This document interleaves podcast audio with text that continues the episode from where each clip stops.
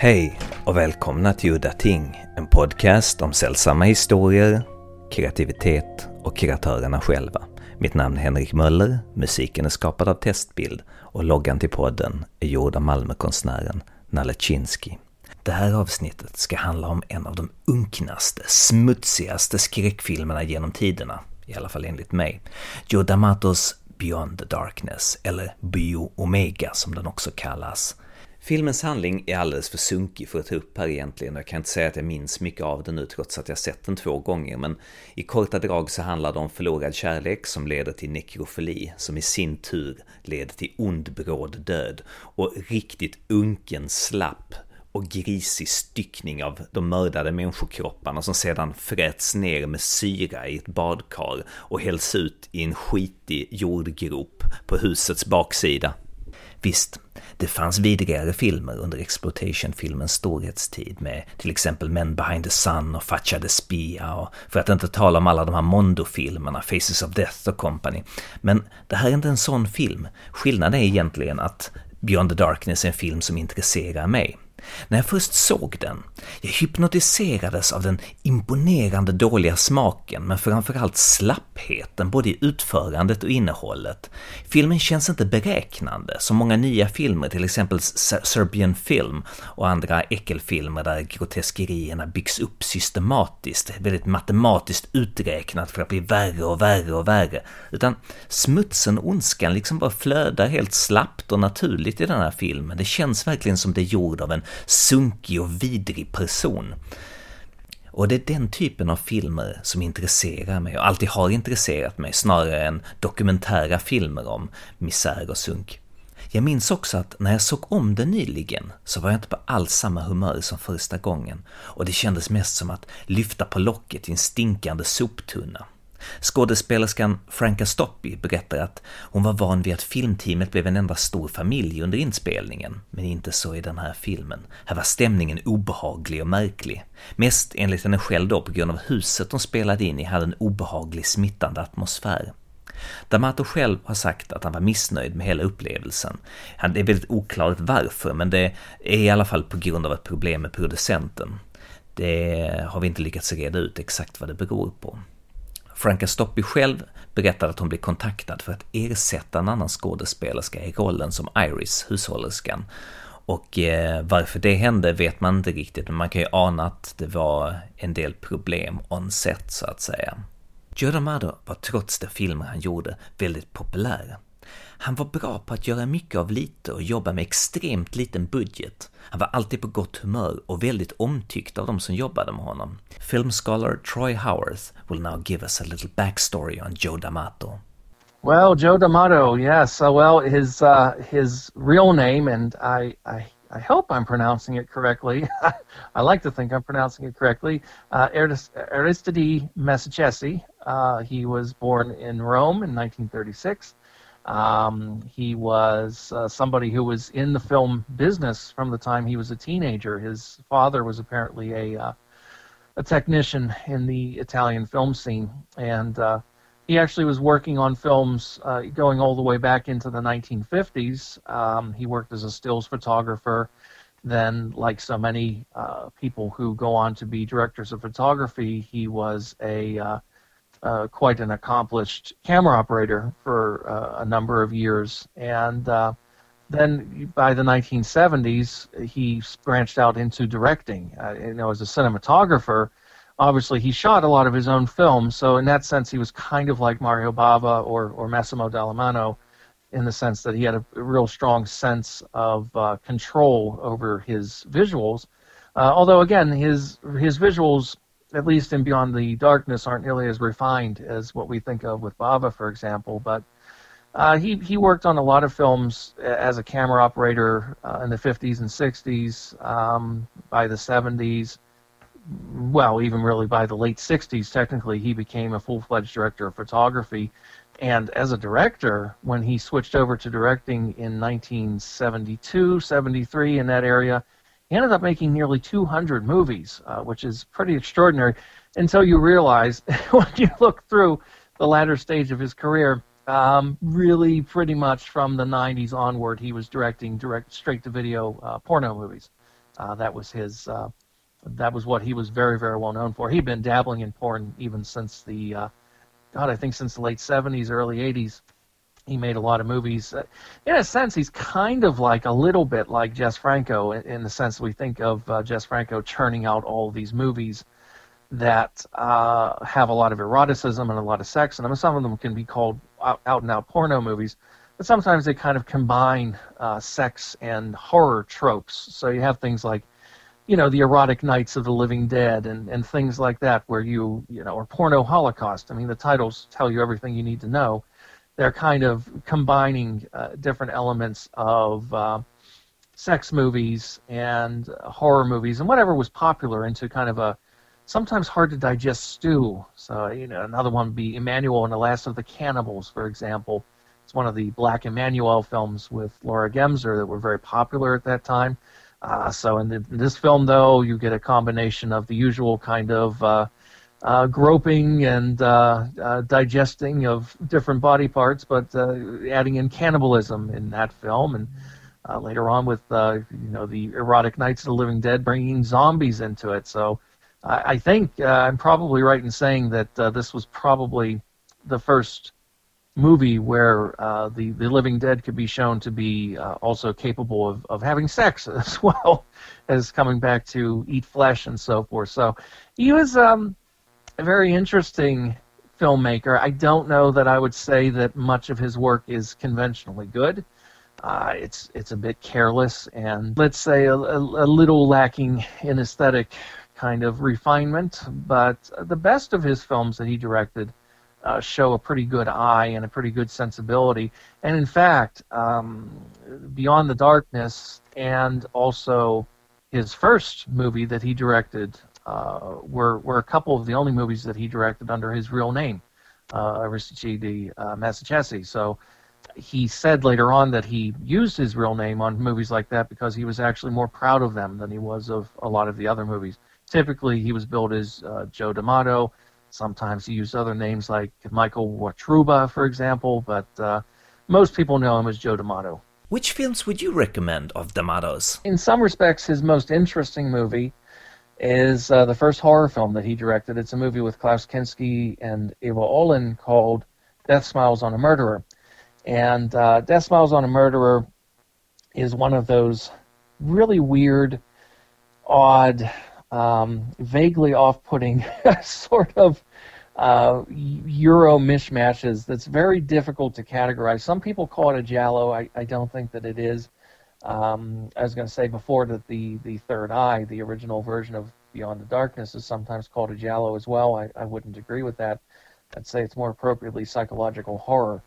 But um, Death Smiles on a Murderer is a very, very interesting movie about it's similar to this one in many respects. It deals with that sort of yearning for a lost love that that uh, goes into this sort of obsession that uh, blurs the line between reality and fantasy, bringing in elements of necrophilia and, and elements of mad science as well. In that movie, you have a you have a sort of mad scientist character played by Klaus Kinski, who worked with uh, Joe D'Amato. God, probably if I had to guess, Joe D'Amato probably worked with Klaus Kinski more than anybody else uh, behind the camera. I think they just worked on two films. I'd say probably more than that, actually, because he directed him in the two films, and there are also several that he photographed uh, as well. So, yeah, if, if, not more than somebody like Margheriti, for example, um, he was certainly one of the ones who worked with them more than the average person could take. Kinski was well known for being a uh, uh, unreliable commodity at times. Joe D'Amato was famous for getting along with almost everybody, and there's no one, as far as I know, that has something bad to say about him. The reason I think D'Amato didn't have a problem with Kinski is that they were both business oriented and they didn't give a damn about the artistic stuff and quality and things like that. They just wanted to get the film done. D'Amato have said that Kinski was there just for the money, and if you paid him in advance and just let him do his thing in front of the camera, he didn't give you any trouble. His role in Death Smiles on a Murder is a is a classic example of Kinski getting star billing for doing a very small part. Uh, so if you go into that movie expecting to see him playing uh, a, a, leading character, you're going to be sorely disappointed. his character is almost sort of disconnected from the movie in some respects. But uh, you know, uh, ultimately, uh, Kinski and, and D'Amato got along well enough that uh, they worked together on several occasions. D'Amato survived the experience, obviously, and you know went on to do quite a few films without Kinski. But I'd say, in some respects, Death Smiles on a Murderer is probably his most interesting film as a director. Along with that one, certainly Beyond the Darkness. Um, as as a director, beyond that, you know, again, quite frankly, it just depends on your taste for movies that are extremely heavy on hardcore sex. So it really, you know, it, it's the law of diminishing returns. Sometimes watching these movies, there's a certain amount of uh, tedium that can come from watching the uh, the same basic thing uh, over and over and over again. But some of these movies are very well liked and have a, a, a cult following. Certainly, I know that uh, uh, Erotic Nights of the Living Dead and Emmanuel and the Last of the Cannibals, for example, were pretty popular movies. Another film that he made, um, I guess it was probably his third horror film, was in 1980, a movie called Anthropophagus, uh, also known as The Grim Reaper, which stars Luigi Montefiore and Tisa Farrow, uh, Mia Farrow's sister, who had been in Zombie, and uh, that's a that's a grubby little movie. I think it's rather boring for the most part, but it has a memorably over the top and nasty finale, which which includes a fetus being eaten, and uh, the monster basically um, eating his own intestines as he's after he's been gutted. So there you go. You don't see that every day. Can you remember when you first encountered Beyond the Darkness and what you thought about it? it was one of those movies that I had heard about for a period of time. I, I knew it was it had a slightly notorious reputation. Um, I started getting in seriously interested in Italian horror films in the mid '90s, uh, right around the time that I graduated from high school and then went into college. And it was one of those things where I sort of started off with Mario Bava, and as I worked my way through Bava's films, I thought, well I guess I should watch some of these other guys. So I started watching Argento and then Fulci, and then you just you know you you have to branch out and try all these other people and uh, Beyond the Darkness, uh, Buio Omega, whatever you want to call it. I think it was even in America it was called uh, Buried Alive uh, originally. It was just one of those kind of notorious titles that I'd heard about. It was kind of a, a, a gross out movie. As a matter of fact, with that in mind, um, you know, I, I, don't I don't know if this was in that same interview with Franca Stoppi or not, but I can remember her talking about how uh, D'Amato told everybody on the film that uh, his goal was to make a movie that's going to make people want to throw up. and I think uh, we can agree that he probably succeeded with that, thanks to some of the things that are in the film. It, it you know, I don't think it's probably as strong as all that nowadays when you look at some of the things that have come out since then. You think of movies like, I don't know, Martyrs, for example, or, or shock horror films, uh, you know, uh, human centipede type things. But um, there's something kind of rancid about it that's a little bit um, off putting. Uh, it has a weird sort of poetry to it, but at the same time, it's a little bit slapdash. So it's kind of like if you think of Mario Bava's great film from 1972, Lisa and the Devil, where it's so much about death and decay and uh, lost love and necrophilia and all this different sort of stuff, but it's done in this very sort of uh, aesthetic, very beautiful, very luxurious kind of style. This movie doesn't have that kind of luxurious uh, aesthetic quality to it. It's again, it's a little bit rougher around the edges, but it has a really weird I, I, almost sort of hypnotic quality. It's one of those movies that you, you watch it and you're well aware of the fact that it's not necessarily terribly well made through and through, but it, it has a really sort of strange appeal. And uh, the first time I saw it, um, I don't think the, the quality of the copy that I first saw was fantastic, but I, you know, it's one of those movies that I go back to periodically every couple of years. Um, I'm always kind of fascinated by it. I, I, think one of the great strengths of the movie, I'm, I'm sure we'll talk about, is the soundtrack by Goblin. Um, it has a has a very sort of hypnotic quality of its own, but uh, I, I, it's not a movie that I and honestly would put in the top tier of Italian horror films. I don't think of it as being uh, a, a, great film like Lisa and the Devil or Kill Baby Kill or Inferno or something like that. But it's it's a very interesting, weird, offbeat uh, little movie. It's it's one of those movies that when you're done with it the first time, you kind of think, did I really just see that or did I dream that?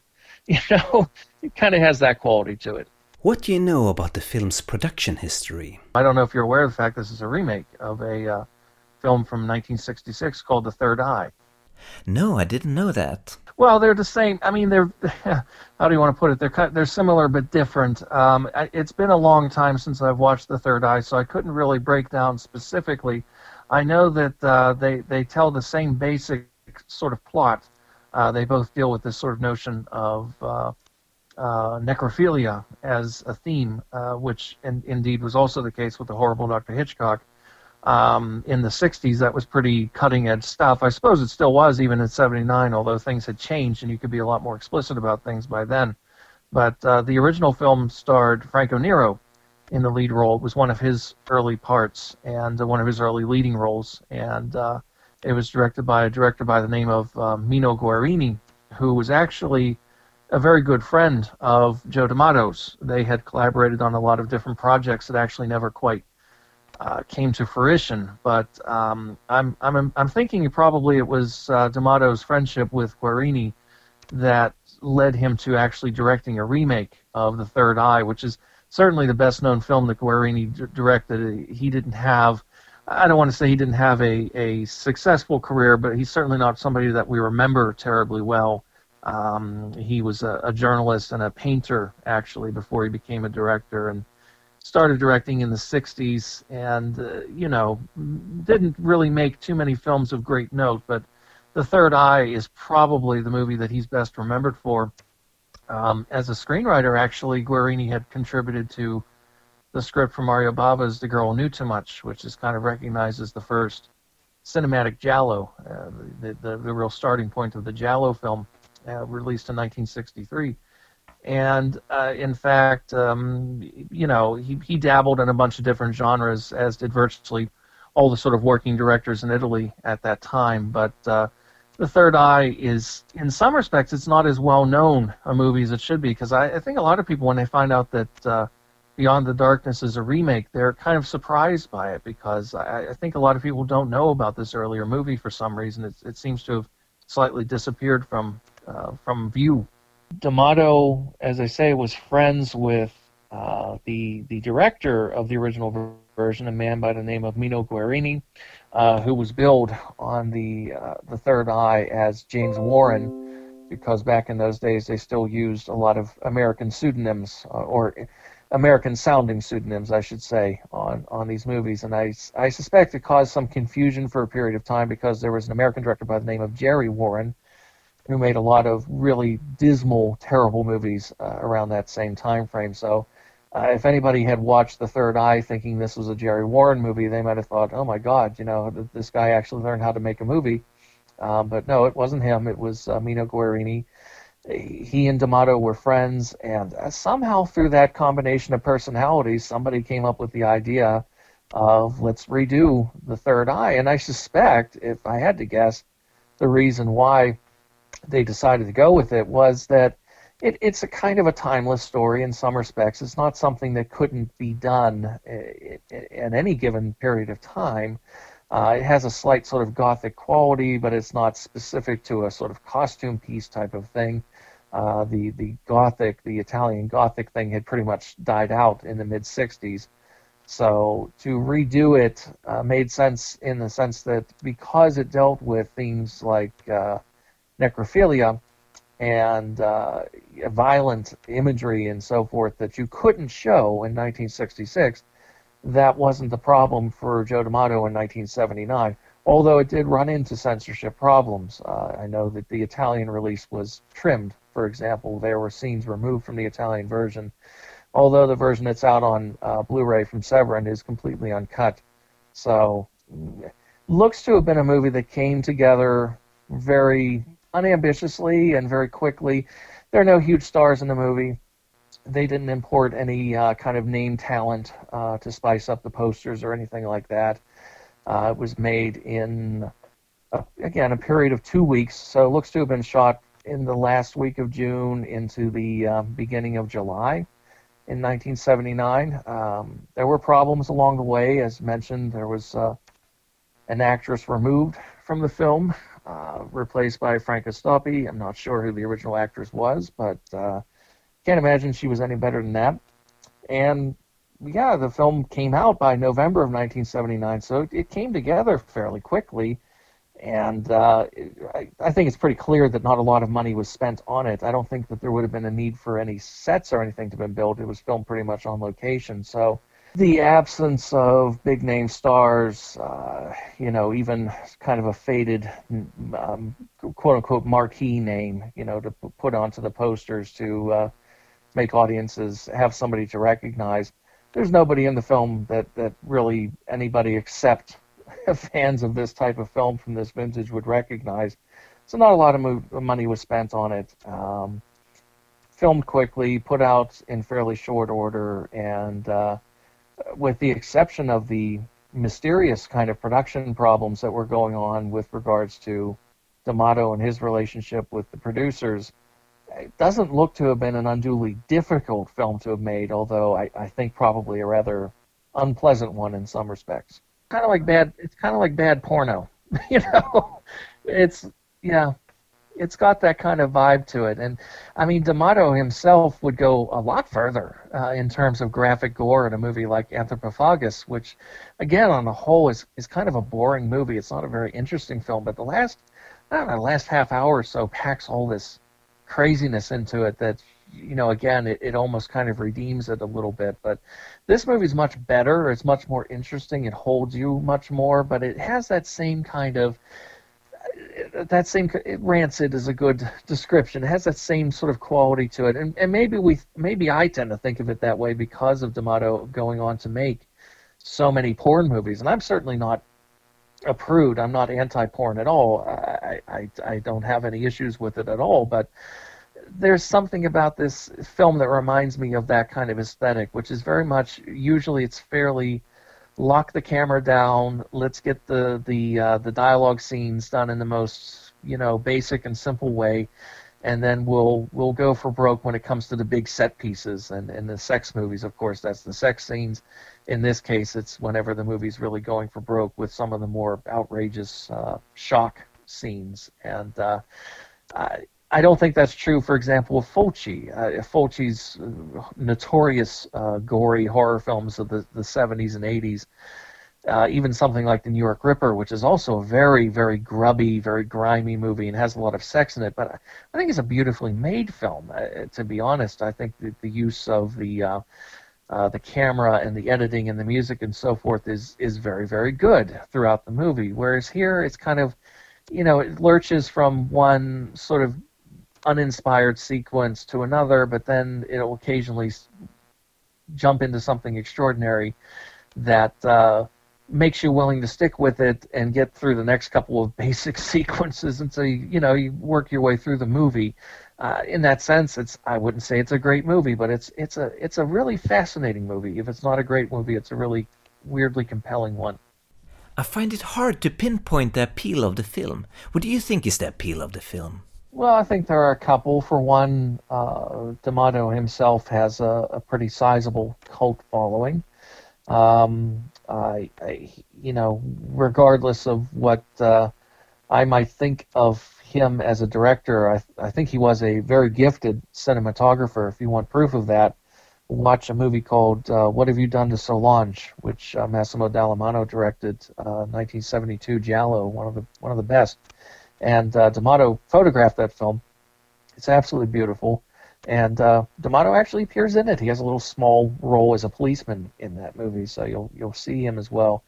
He's a very gifted cinematographer. Um, as a director, I don't think he was a great director, but uh, he has a sizable cult following, and that's part of the reason right there. If if you can put out a movie that uh, D'Amato directed, you're going to get his fan base interested. I, I think the other thing is just, uh, you know, particularly nowadays because what we're so accustomed to seeing in uh, the Cineplex, uh, you know, movies have changed so much, and and I don't want to sound like I'm one of those people who just thinks that everything old is wonderful and everything new is is terrible because that's not true.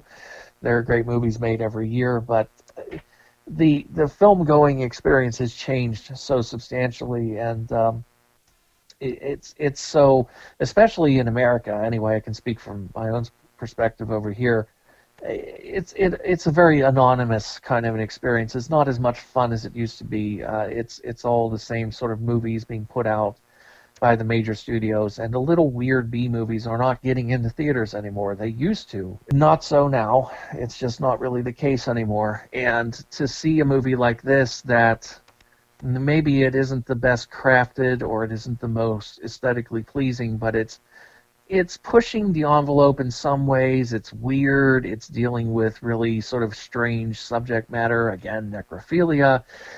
Not unique as a subject matter. We could point to other Italian genre films like uh, Lisa and the Devil, or The Third Eye, or The Horrible Dr. Hitchcock. Um, Paul Morrissey's Flesh for Frankenstein has a, a, necrophilic uh, kind of subtext to it as well. Uh, we talked about that movie a while back. And uh, Lamberto Bava's uh, first movie, Macabre, which is actually based off of a, a, true story, funnily enough, a woman who kept the severed head of her her lover in the refrigerator and uh, periodically got it out to make love to it. Um, you don't see stories like this in movies nowadays. Uh, it, it, it just don't get this kind of weirdness, and uh, I think that's part of it. I think a lot of film fans who are just tired of the kind of bland, ordinary playing it safe kind of movies that uh, everybody's used to seeing like to check movies out like this and even if they're not great films. They have an appeal because they're just so damn weird. There's nothing else quite like this movie. Mm, that's not to say it's a masterpiece. That's not to say that it uh, deserves to be in a museum of modern art. But if you're interested in a certain type of movie i'd say this is one of the ones you like to have in your collection because it's just that strange. One of the film's highlights, rather amazingly for such a seedy, dirty film like this, it's the participation of Goblin on the soundtrack. Goblin at 1979 must have been at the peak of their horror film soundtrack fame. Well, Goblin at that time obviously were extraordinarily successful. Uh, they had started off under the name, if I remember correctly, their original name was Cherry Five, and uh, they were sort of progressive rock group. And uh, in 1974, 75, Dario Argento was working on Deep Red, and uh, which at that point it originally it was originally to be called The Saber-Toothed Tiger, which would have tied it into the animal themes of his first three Giallo movies.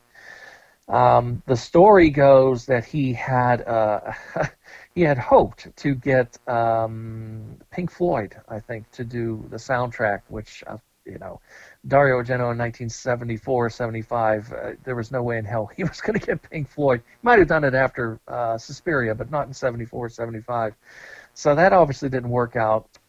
And he had had a uh, a jazz composer, Giorgio Gaslini, doing the music. He didn't like what Gaslini was doing, so he was looking around for a group that could provide the music for the film. And when he heard some of Cherry Five's music, he realized, yeah, these these guys could do a good job, but you know, Cherry Five's not a very good name for the uh, composers of a scary movie, so they came up with the name of Goblin, and so that was born.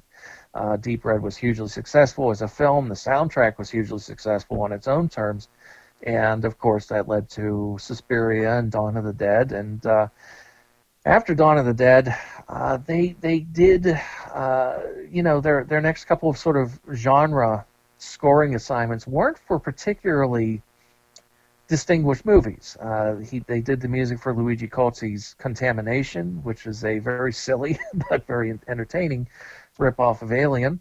I suspect that came together largely because of Cozzi's friendship with Argento.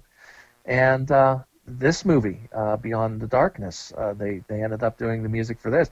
I've heard that Goblin's music was recycled tracks from Luigi Cozzi's Contamination. Do you know anything about this? I think, uh, well, let me put it this way: Beyond Beyond the Darkness was made in the summer of '79. Um, I'm not 100% sure when Contamination was made, but I think, well, Beyond the Darkness came out first. I can say that for sure. It came out in 79, Contamination came out in 80. So I would suspect that probably uh, the music for uh, Beyond the Darkness came before the music for Contamination that I, if really if there was any kind of budget on this movie, I suspect probably a good chunk of the money was was given to Goblin for their music, which is money well spent. Obviously, it's a very good soundtrack, and uh, um, but I think there was a, uh, a film that came a little bit later, a, a really terrible, ter- terrible movie called Hell of the Living Dead, a Bruno Mattei movie,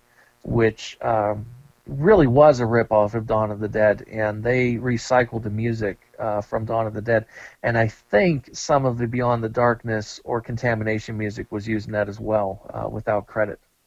The budget for most of D'Amato's films was so ridiculously low that I don't think he ever had any real makeup effects, but he often used animal entrails and skin, like for example the anal penetration with a sword in his Caligula film. In the Anthropophagus film, the monster eats a fetus, in which he used a skinned rabbit sewn together in a fetal position for the actor to eat.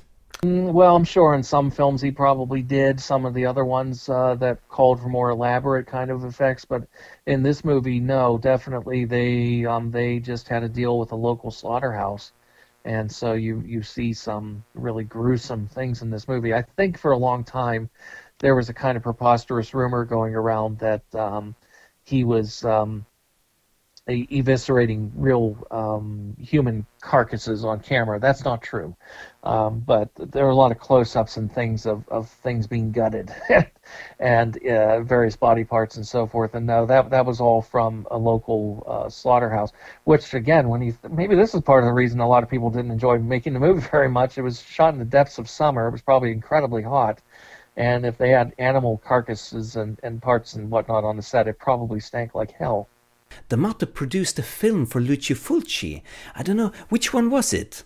I remember D'Amato saying it was the greatest production he had ever been involved in. Well, yeah, it was. Uh, funnily enough, it was Fulci's last movie. It was a movie called Door into. Oh, I was screwed up. Door to Door into Silence.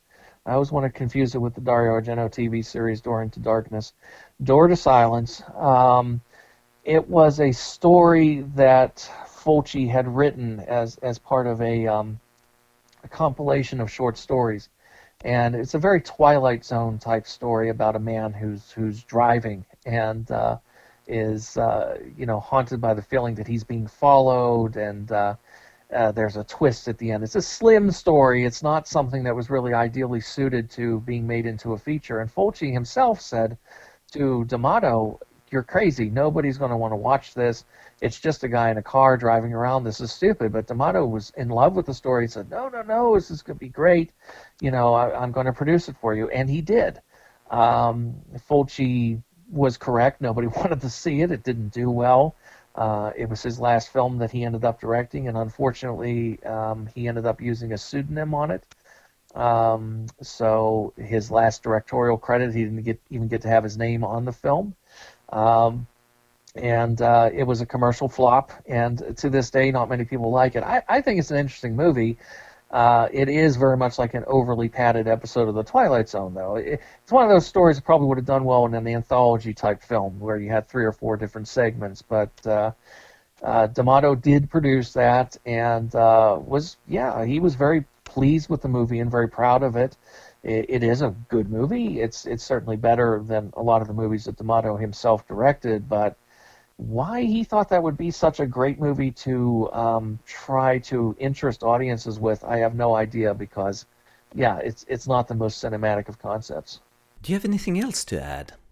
Well, I can tell I can tell you one little uh, semi, maybe potentially interesting little tidbit um, with regards to the story of the film. Um, as I mentioned, it's a remake of The Third Eye. Now, it, the the credits for Italian movies are um, notoriously unreliable, very often very incomplete, and uh, they sometimes have credits that are um, clearly just bullshit. They're just made up, and and that's the case with The Third Eye, which claims to have been written based on a story written by Gilles de if you know who Gilles de is. Uh, uh, he was a um, rather notorious French nobleman. I forget from what, what century, but um, he he basically was a, a nobleman who turned into a serial killer, uh, dabbled in the occult, and was rumored to have murdered hundreds of children. And uh, his crimes were pretty horrific. Uh, they they were very sexual in nature, and it was said that. Um, he would uh, blindfold and tie children up, you know, sort of hang them uh, from their ankles and so forth.